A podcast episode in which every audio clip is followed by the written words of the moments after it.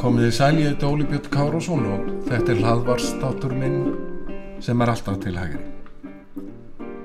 Íhaldsflokkurinn og frjálstindiflokkurinn saminuðust undir merkjum sjálfstæðisflokksins árið 1929. Í upphafi að stefnan mörguð og hún var skýr. Berjast gildi fyrir frelsi og fullu sjálfstæði þjóðarinnar en um leið voru gefin fyrirreitum að flokksmenn ætla að vinna í innanlandsmálum að viðsýtni og þjóðlegri umbótastefnu á grundvelli einstaklingsfrelsis og atvinnufrelsis með hagsmunni allara stjætta fyrir augum. Tæpum 20 árum síðar undistrykkaði Ólafur Tórs formaður sjálfstæðisflokksins mikilvægi aðtannafrelsis í landsfundaræðu. Það var árið 1948 og hann sagði í okkar landi er mikill auður en hann er Tórsóttur. Engin þarf að ætla að við fáum til langfram að staðið undir óhjákvæmulugum kostnaði af því að halda uppi fyrirmyndar menningaríki í 100.000 tverrkilometra landi byggðu 130.000 mönnum án þess að hagnýta auða við landsins rétt. En það verður aldrei gert ef manns orkan og frelsið er læst í læðing. Það næst aldrei ef kröftunum er varið í að glíma við ráð og nefnd og banka og nefnd og stjórn og ný ráð og svo framvegis í stað þess að einbeina þeim í sóknina á hendur auðafanum sem falin eru í skautum náttúrunnar og aðeins býða þar eftir virkri hönd og auknu framtæki. Eftir að henni eiginlegri sjálfstæðisbaráttur laug með stopnum líðveldisins árið 1944 hafa atvinnufrelsu, réttindi einstaklinga, forraðið sikja og haftakerfi verið þunga miðja í pólitískum átökum hér á landi. Hlutverk sjálfstæðisflokksins í þessum átökum hefur alltaf verið ljóst. Þótt oft hafi gengið hægt að hrinda stefnumálum í Frankvænt hefur hugmyndafræði frjálsaræðis hægt og bítandi náð yfir höndinni þó stundum hafi orðið bakslag.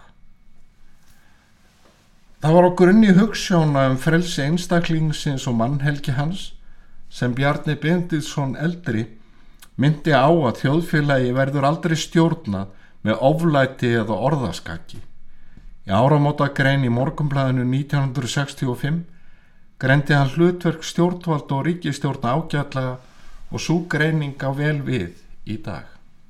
Bjarni skrifaði Oft er sagt og vissulega með réttu að veðurfar, gróður og fiskigöngur séu ekki að þakka ríkistjórn. Gamal kunnugt er að jæmt rignir á réttláta sem rángláta. En ríkistjórn ræður því hvernig hún bregst við atbyrðunum. Treystir hún engungu og forsjár sína og bannar þegnunum að bjarga sér eftir því sem þeirra eigin vit og þroski segir til um eða treystur hún fyrst og fremst á frumkvæði, mandum og dög borgarana og tilur skildu sína að greiða fyrir framkvæmdum þeirra en leggur ekki á þar hömlur og hindranir. Á fyrstu áratögum sjálfstæðisflokksins var Íslands efnaðarslíf meiraða minna í höftum og múrar hafta búskaparins hrundu ekki af sjálfu sér. Vestlunafrelsi fjekst ekki án átaka innflutningsskrifstofa ríkisins sem úteldi leifum til innflutnings var ekki lögðu niður fyrir henni fullan nefana. Það þurfti margar og ítrekkaðar tilraunir til að tryggja frelsi og öldum ljósakans. Afnám einokuna ríkisins á útvas og sjónvaserekstri mætti harðri anstöðu. Sjálfstæðisblokkurinn eitt stóð einhuga því að lefa vindum frelsis að leika um útvarp og sjónvarp. Það þurfti einbættan vilja til að brjóta einokur ríkisins á fjarskiptamarkaði og baka aftur og innleða þar samkjafni. Það var á grunni hugmyndafræði einstaklings og aðtapnafrelsis sem engaðalar hafa fengið á blómstra innan mentakerfisins, sjallastefnan, háskólinn í Reykjavík, Veslunaskólinn, Tækniskólinn, svo dæmi séu nefnd. Með því að innleiða fjölbreytni inn í mentakerfið hefur möguleikum úns fólks verið fjölgað. Dæmin eru miklu fleiri, stór og smá. Árið 1988 kom út bókin Þjóði hafti eftir Jakob F. Áskjesson, rítuhund og sakfræðing. Þetta er bók sem að ég hygg að flestir ætti að lesa. Þannig þeir kynnist af raun sögu hafta áran, skilji hvers konar þjóðfélag var hér við líði áður en sjálfstæðisblokkurinn náði að brjóta múrana niður. Þegar öll vestlun á Íslandi var neft í svo harðar viðjar að ekki mátti flytja bók inn til landsins á þess að byggja yfirvöldum leifi. Þegar ávægstir sáust ekki árum saman og fólk stóð nætur langt í byðröðum í vonum að geta keft sér eitt par af bómsum.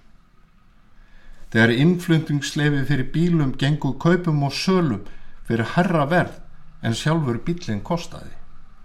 Þegar menn voru fangjálsaðar fyrir að reysa sér bílskur í óþökku yfirvalda. Þegar pólitíð spilling grasseraði smikl og svartamarkaður og voldu hagsmunasamtök rísu upp úr öllum áttum til að tryggja sinn hlut í hafta kerfinu. Það var gegn þessu kerfi sem sjálfstæðisblokkurinn ætið barðist gegn og hafði árangur. Mér finnst rétt að glugga aðeins í þessa merkubók og hvet alla til þess að gera sliktið sama. Vegna þess að hún gefur okkur betri skilning í það hvers vegna það er svo mikilvægt að staðið sé vörð hér um aðtapnafrelsi einstaklingana. Ég ætla að grýpa hér niður á einum stað í kaplanum skömmtun og byðraðir. Drepsót haftarekstusins er komin í þann algleming að fyrir ríkistjórnar er ekki nokkur leið að viðhalda virðingu manna fyrir honum, segir í árbó Gunnars Gunnarssonar 1947. Innflutningu til landsins hafði verið stöðaður. Egnakönnun var í aðsígi og í ágústmánuði þegar að fjárhagsþráð tók að skamta nokkrar byggingavörur og skófatnað og takmarka auk þess sölu bensins styrtis á orðurómur sem lengi hafði verið á sveimi um að fyrirhugud væri viðtæk skömmtun á almennum nýslu varningi. Greip þá um sig mikið kaupæði og nokkrum dögum bókstallega sópuðu spurt úr búðum og heilsölu skemmum, fjölmargar nöðsynja verur. Fólki Reykjavík og sumstaðar út á landi þyrtist í verslanir og kefti þar allt sem á hönd á festi, segir jáskíslu landsbankans. Svo grimt var hamstrað að enn þann dag í dag eiga margar saumakonur heilu kassana að tvinnakeflum og sömnálum sem þær byrðu sig upp af kaupæðinu 1947. Eftir stóðu auðar hillur í búðum og kom fyrir lítið þótt valdhafarnir tækju skjótt við sér og settu reglur um takmörkun á tollafgryslu, sölu og dreifingu, vefnaðaföru, búsávalda, hreinlætisvöru og kortvöru.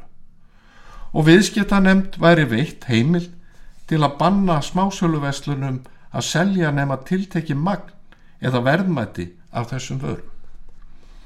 Takmörkun á bensinsölu fóst til að byrja með því því að banna var að afgreða bensin umfram það sem bensingemslur ökutækja tóku en sent í september var farið að skamta bensinið og setja reglur um takmörkun á akstri bifriða. Jakob bendir á að sikurskamtuninn hafi aldrei verið afnuminn og auk þess hafi skamtun á Erlendu smjöri verið innleitt og árið 1946 á bifriðagumi. Hann vitnar hér í skýslu Landsbanka Íslands fyrir árið 1947 en það segir henn 1. oktober hóf svo til viðbútar kaffi og skófatnaðar skömmtuninni regluleg skömmtun á kortur, hreinletisvörum, ytri fatnaði öðrum vefnaðavörum og búsáöldum og á bensíni. Skamtu hvers einstaklings að matur var sem hér segir frá 1. oktober til ársloka. kortvörur 15 kíló, sigur 4,5 kíló, kaffi óbrent 1,2 kíló. Að því er hreinleiti svöru snertir fekk hver einstakur fjóra skömmtunar reyti og gaf hver þeirra rétt til að kaupa hálf kíló af blöðsápu eða tvo pakka af þóttadufti eða eitt stykki af handsápu eða eitt stykki af stangarsápu. Af ytri fatnaði var skamturinn til ársloka 1948 ákveðin einn alfatnaður karla eða einn yfirhöpt karla eða hvenna eða annar jafngildur ytri fatnaður eða efni í hann.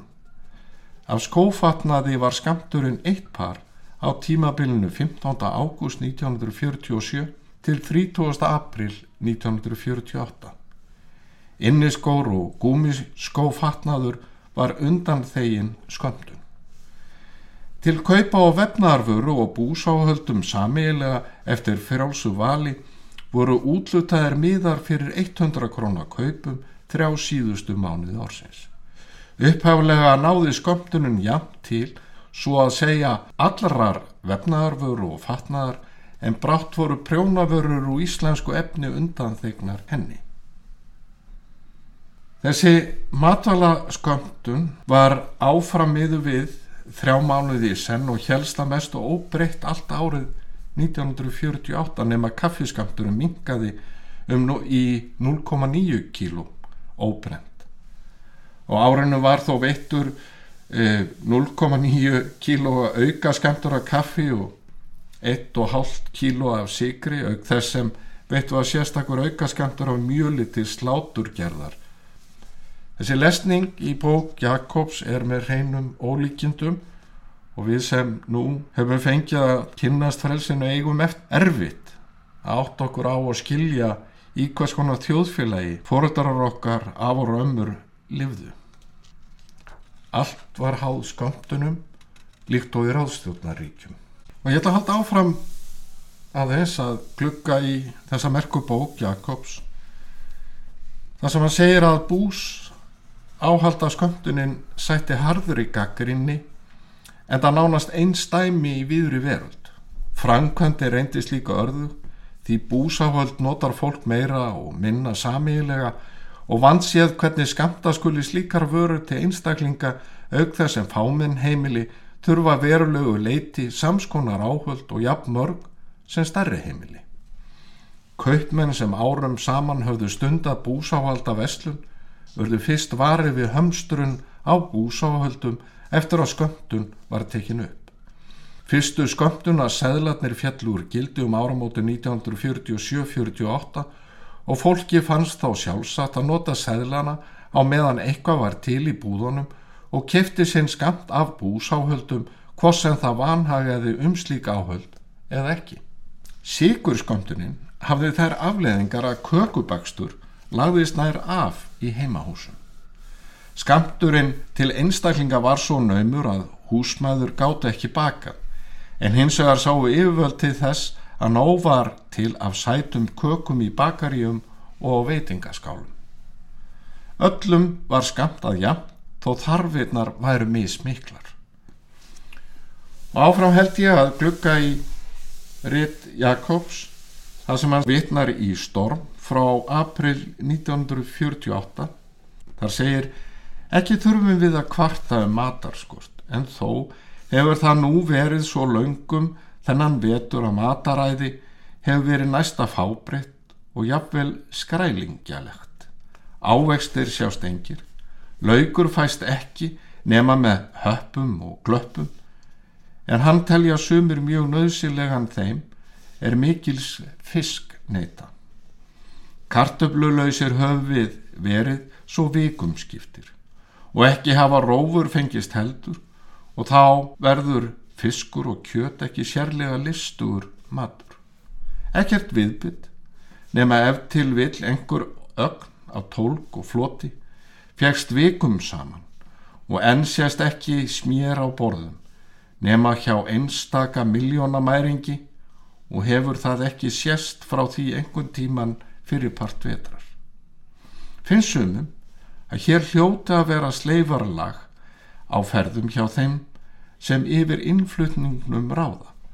Því að vitanlegt er að engar þessar vörur eru mjög gjalderisfrekar en þó nöðsynlegar heilsu og þrótti þjóðarinnar og mannsanandi lífi hennar. Allan þann tíma sem við höfum lifað smjörleysir hafa Danir selt sitt smjör úr landi fyrir 10 miljóna króna og verðið hefur verið fjórðungir þess verðs sem við greiðum fyrir okkar smjör þá sjaldan það fæst. En jafnframt því sem engin smjörklýpa sést á borðum, háma sumar frúr bæjarins og góðtemplarar í sér rjómakökur og rjómatertur og hver bílin á fætur öðrum kemur hlaði með rjóma úr sveitum norðanlands. Er satt að segja ekki öðru líkara en það séu klepptækir menn sem að þessum málum standa og víst er það að ef nokkuð getur orðið til þess að ebla fylgi kommunista þá er það ræfilsátur og fyrring, vitfyrring sem þetta. Jakob F. Áskjelsson bendir á að skönduninn hafi aldrei náð tilgangi sínum. Í sumum vörutögundum, svo sem kortvöru, voru sköndunarseðlarnir aldrei full nýttir og því raun engin þörf á að skamta þar sem frambóð svaraði ekki eftirspurn. Á himbóin voru gefnir út skömmtunarseðlar í stórun stíl til dæmis fyrir skófatnaði og vefnaðavöru án þess að vöruframbóðu svaraði útgefnum seðlum. Það var með öðrum orðum verið að skamta vöru sem ekki voru til. Þegar lítið er til þessar ára minnasmenn byðraðana sem óðara mynduðust hvar sem einhver útlend var að fjækst, saði Ingólfur á hellu. Einu gildi hvað til sölu var, skóli var skýrtur, bollapur, kvensokkar eða annað slíkt að ekki sé minnst á ávexti og byggingarefni. Jóhann Hafstein saði byðraðirnar voru hér þannig að fólk stóð tímonum saman Það leiði yfir margar konur næstu því á hverju morni og stundum kom til stimpinga. Og áframheldur Jakob og segir algengt var að fólk byrjaði að býða kvöldið áður en vestlanir opnuðu og beð þá alla nóttina til dæmis í von um að geta keift eitt par af bómsum. Vörur komu lítið fram í búðir, heldur voru þær í miklu mæli seldar út um bakdýrnar. Kaupminn og afgræslu fólk létt ættingi og vini sitja fyrir þegar vörusending kom. Afgröðslu fólk vestlana sagði hvað við annað ef þú lætur mig hafa efni í kjól þá skal ég útvega þér bómsur. Ef þú útvega mér stífvél skal ég útvega þér efni í rúmföld. Fólk kjalaði um þetta sín og milli, spurði frétta og ef menn vandaði eitthvað sárlega þá komast menn brátt á sporið yfirleitt voru menn auðfúsir að liðsina öðrum því greiði kom gjarnan á móti greiða. Kaupmenn þurfti ekki að auglisa vörur sínar, það spurðist ef von var á þeim. Það var mikið um skiptuverslun, fólk kefti það sem var á bóðstólum og reyndi síðan að skipta. Í Reykjavík mátti til dæmi sjá einu sinni í viku langa byðröð við gull og skartgripaverslun þar sem fengu sérsmíðuð silfurnývapur sem margir keftu aðeins til þess að geta látið þau í skiptum fyrir eitthvað allt annað síðar meir. Allt seldist. Egið þér til grænmeti var spurt í vestlun og kaupmaðurinn svaraði nei en við eigum græna málingu.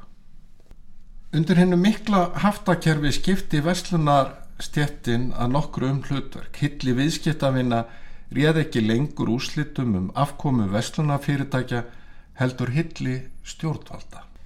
Í stað þess að kaupa sem mest og best vörumagn fyrir sem minnstan pening er öll áherslan nú lögð á það að tryggja sem mest innflutningsleifi skrifaði Gísli Jónsson alþingismadur árið 1949 og hjælt áfram.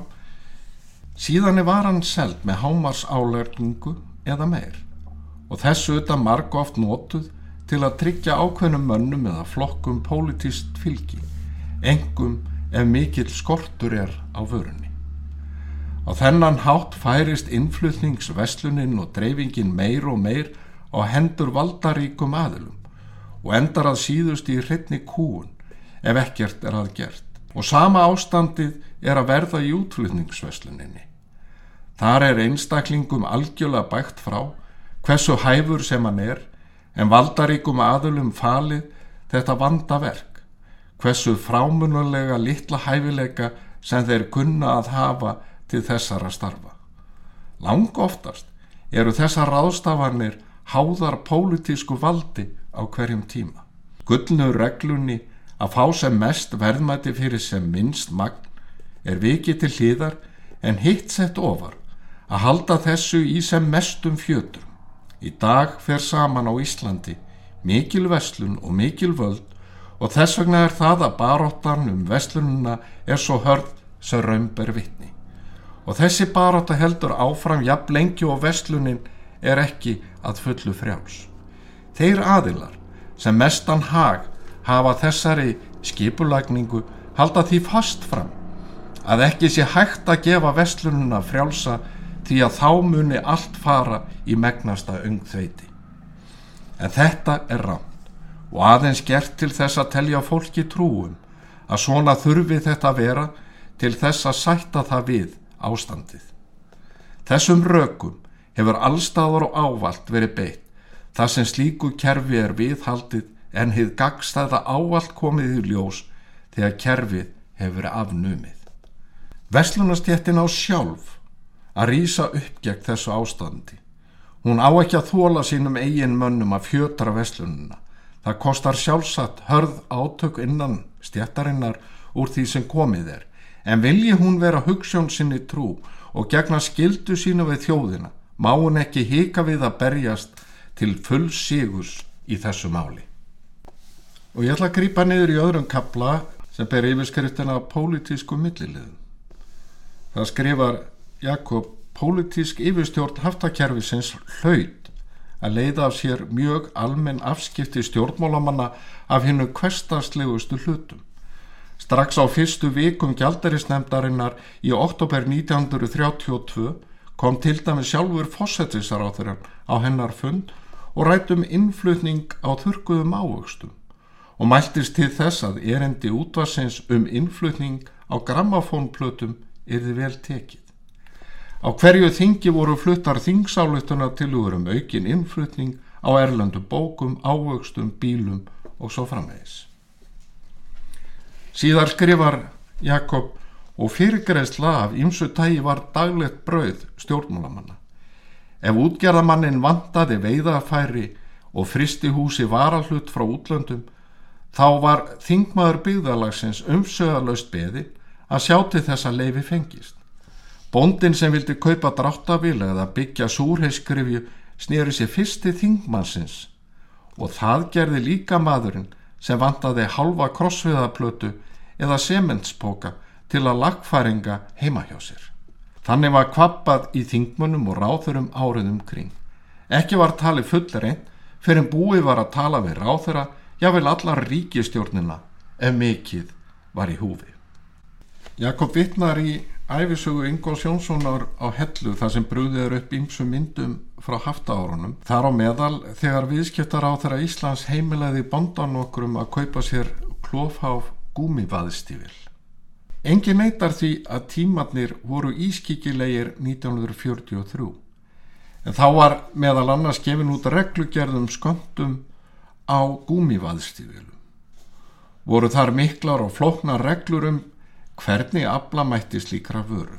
Reglugerðin er dagsett 21. mæ 1943 og var ekkert smáraðis skriffinska sem þurfti að koma til.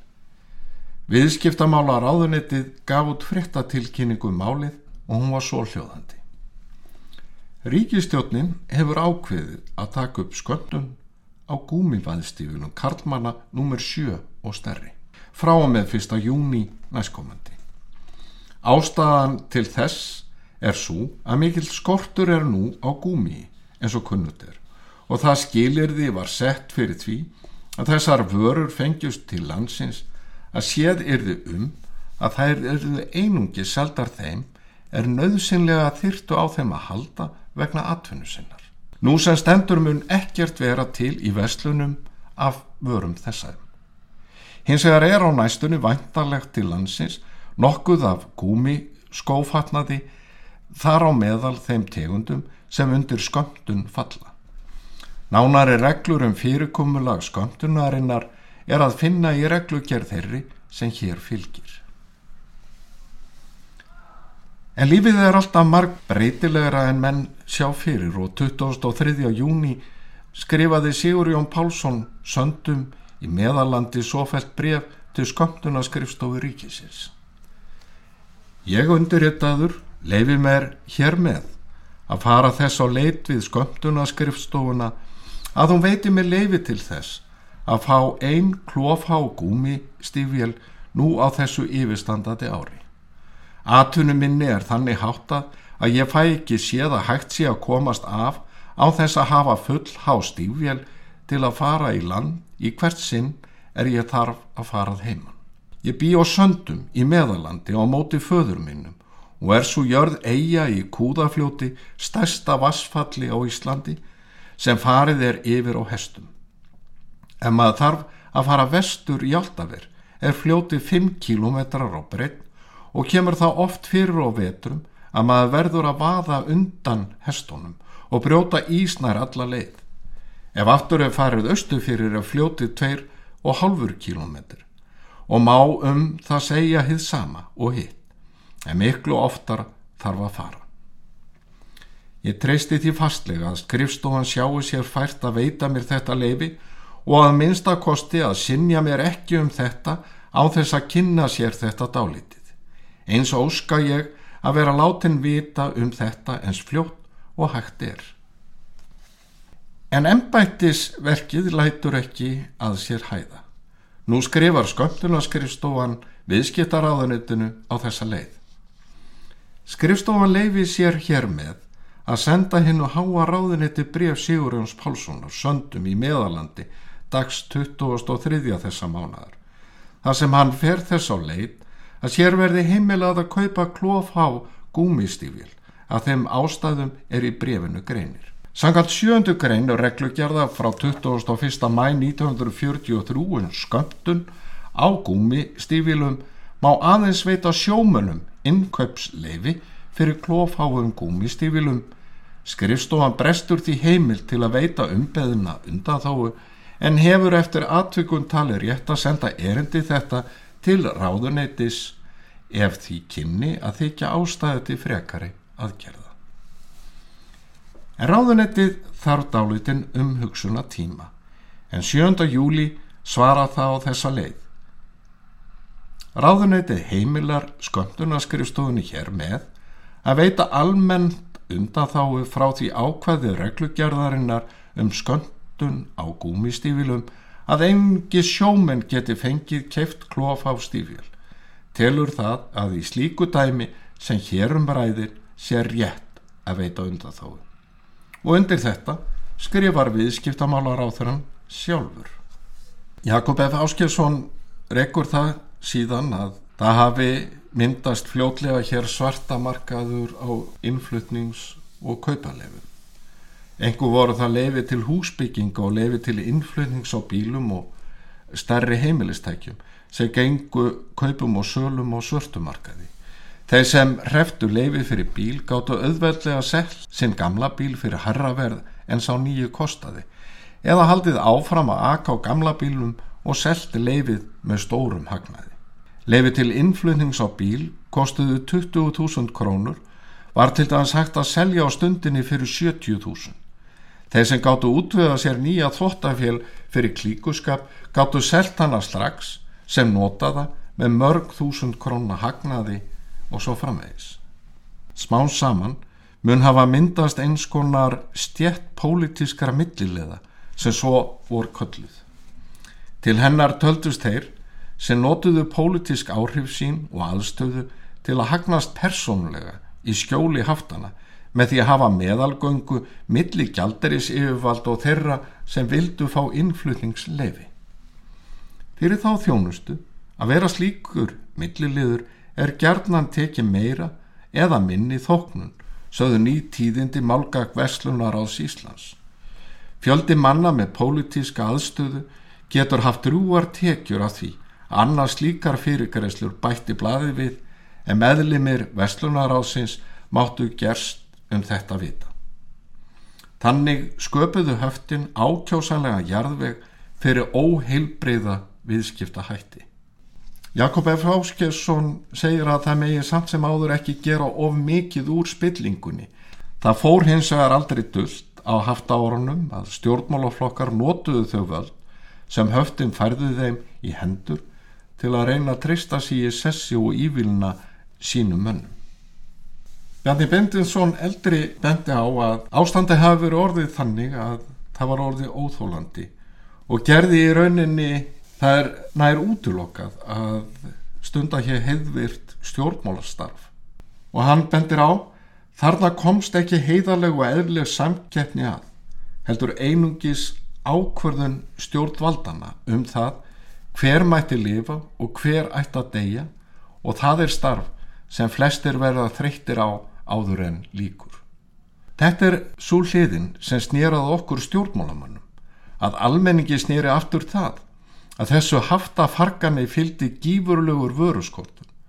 Það var ekki séð um að henni þarflegustu vörur væru til á þenn tíma sem áþurft að halda.